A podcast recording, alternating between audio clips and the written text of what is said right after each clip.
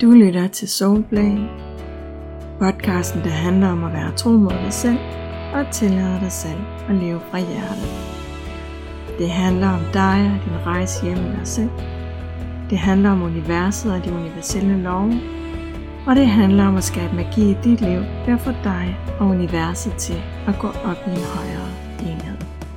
Mit navn er Mette Iversen. Velkommen til Soulplay. Velkommen til din Soul Journey.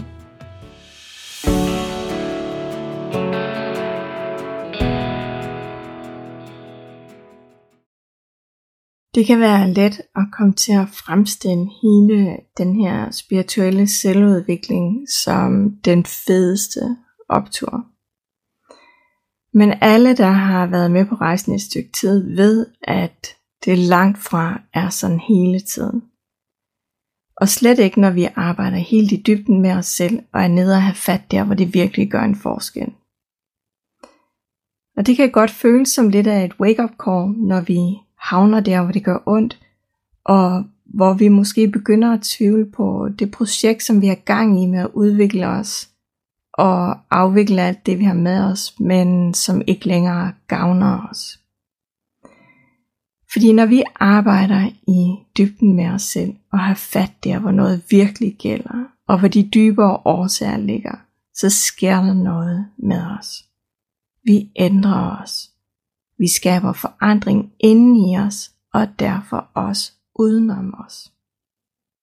Og det er en god ting, fordi hele meningen med det indre spirituelle arbejde og med at arbejde med os selv, det er jo at finde hjem i os selv og skabe det liv, som vi inderst inde ønsker os og længes efter. Skabe et liv, hvor vi er tro mod os selv og kan være dem vi er og gøre den forskel, som vi er her for.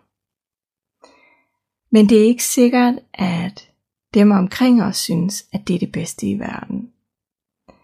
Der sker nemlig noget ret interessant, når vi virkelig arbejder i dybden med os selv og begynder at finde hjem i os selv. Og et af de eksempler, som jeg rigtig tit oplever, det er, når jeg hjælper kvinder, der har problemer med grænser. De er havnet et sted i deres liv, hvor de er kommet til at please lidt for meget.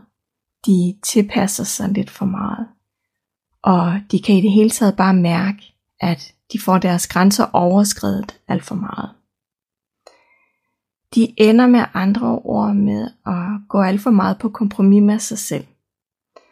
Og fordi det selvfølgelig ikke er et rart sted at være, så beder de mig om hjælp til det, så de kan finde derhen, hvor de kan være mere tro mod sig selv, og blive bedre til at sige nej til andre, og mere ja til sig selv. Og når de så beder mig om hjælp til at løse det her problem, så giver jeg dem selvfølgelig nogle forskellige værktøjer, sådan så at de bliver bedre til at sætte grænser, og netop kan være mere tro mod sig selv. Og så burde alt jo være godt. Men det er det faktisk sjældent. Fordi det er nu, at den virkelige proces begynder. Vi tror, det handler om grænser og om at sige ja og nej og alt det der. Men på et dybere niveau, så handler grænser i virkeligheden om at være tro mod os selv og kunne blive ved med at være det. Også selvom andre protesterer og synes, vi er for meget eller for lidt, eller forkerte, eller hvad de nu synes. Fordi når vi først har lært at lytte til os selv og mærke vores behov, og sige ja og nej, og sætte grænser ud fra det, der giver dyb mening for os, så starter udfordringen med at holde fast i os selv. Fordi når vi ændrer os, og når vi ændrer den måde, som vi er sammen med andre på, så påvirker det selvfølgelig vores relation til andre. Den burde jo sådan set blive bedre, fordi vi jo er tro mod os selv og tør at vise, hvem vi inderst inde er. Men sådan er det ikke altid i praksis. Fordi vores liv er jo bygget op omkring sådan, som vi plejer at være.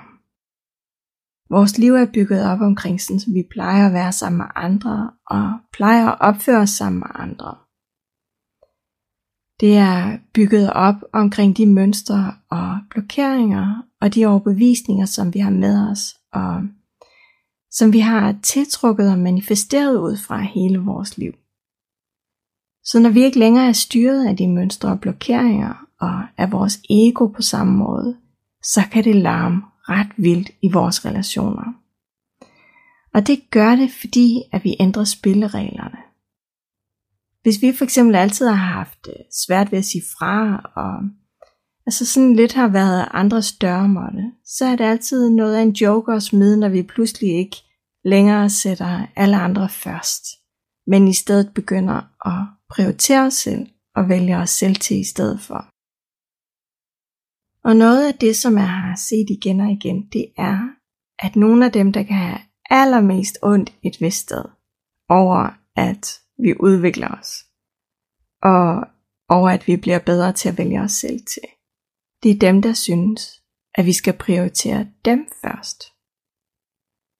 Det er rigtig tit dem, der står forrest i køen til at pege fingre og kalde andre egoistisk, når der sker et stort energimæssigt skifte lige der.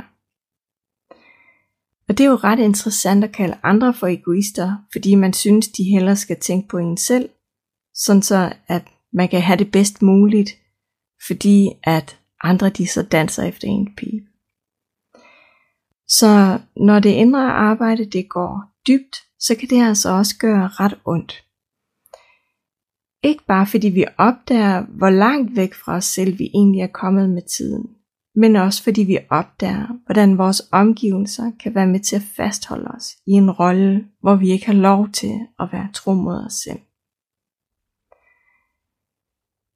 Og noget af det, som virkelig gjorde en forskel for mig at forstå, da jeg selv gik igennem det her, det var, at dem, som har været med til at skabe de mønstre og blokeringer, som spænder ben for, at vi kan være dem, vi inderst inden er, de kan stort set aldrig være med til at hele den del af os.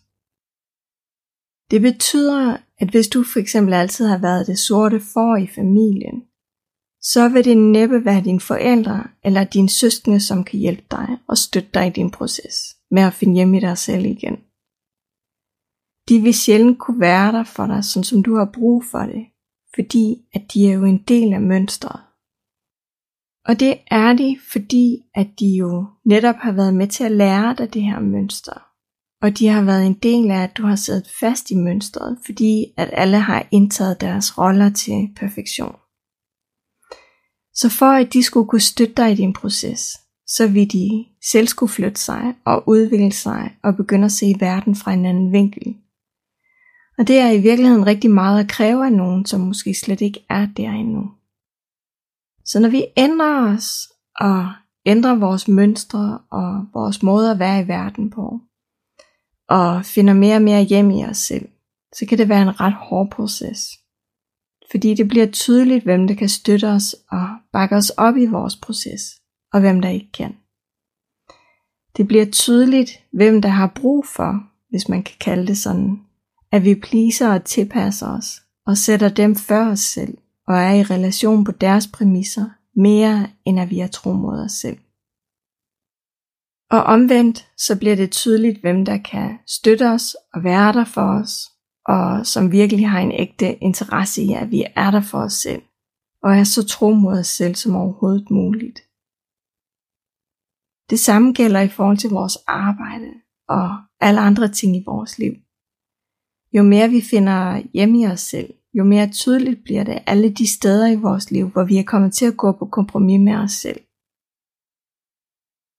Ikke fordi det var det vi ønskede, men fordi vi ikke har været i kontakt med vores inderste, og ikke har været i kontakt med dem, vi inderst inden er. Og det er her, hvor jeg har set igen og igen, at spirituel selvudvikling godt kan nive og gøre lidt ekstra ondt.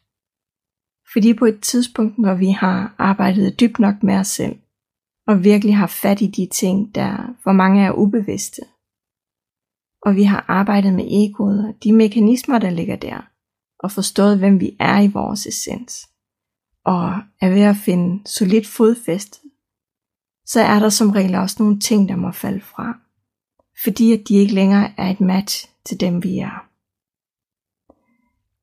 Og her ligger der et stort arbejde i at finde ud af, hvad der kan blive, og hvad der ikke længere kan være en del af vores liv. Hvad der er et match og et ja, og hvad der ikke længere er.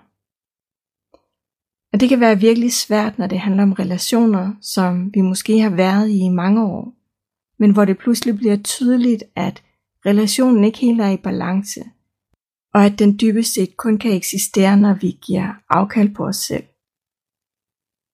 Så det dybe, indre og spirituelle, det har en pris.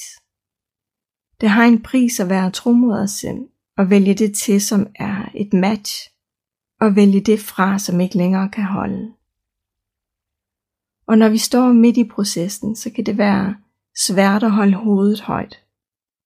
Og jeg kan tydeligt huske, hvordan jeg selv tænkte i sin tid, at det her, det var for svært og for hårdt. Men det er ligesom i The Matrix, hvor Neo skal vælge, om han vil have den røde eller den blå pille.